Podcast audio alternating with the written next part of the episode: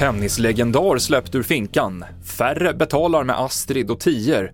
Och så det senaste om schimpansdramatiken utanför Gävle i TV4-nyheterna.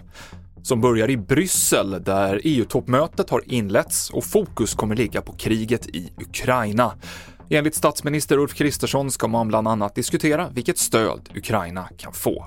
Det allra viktigaste är naturligtvis att eh, bekräfta det samlade stödet för Ukraina på alla tänkbara sätt med massivt eh, lånepaket till Ukraina så de klarar sin ekonomi under den här förfärliga tiden som de har. Det är nog det absolut viktigaste.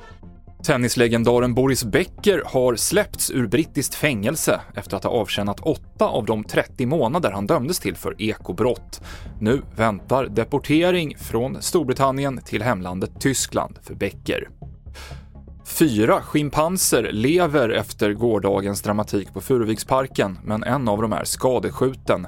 De befinner sig inne i aphuset, men personalen har inte lyckats få dem tillbaka i sina hägn.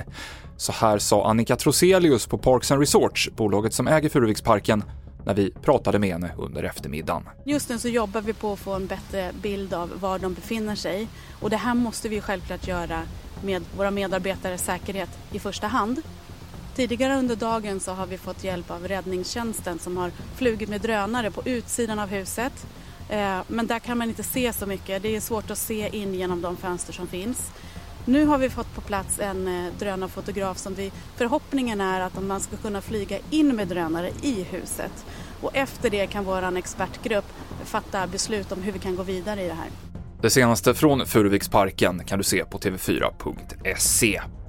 Svenskar överger kontanter allt mer och det gäller även äldre personer. Bara 8% betalade med mynt och sedlar vid sitt senaste köp enligt Riksbankens undersökning. 2010 så var andelen 40% Istället så swishar vi eller betalar med kort. Och att ta kortare duschar är ett av råden för att spara el i vinter. Det kommunala bostadsbolaget i Kristianstad skickar nu ut tidsinställda vattentäta timglas till sina hyresgäster att de ska kunna hålla koll på duschtiden bättre.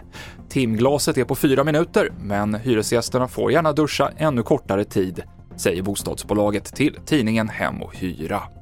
Det avslutar TV4-nyheterna. Jag heter Mikael Klintevall.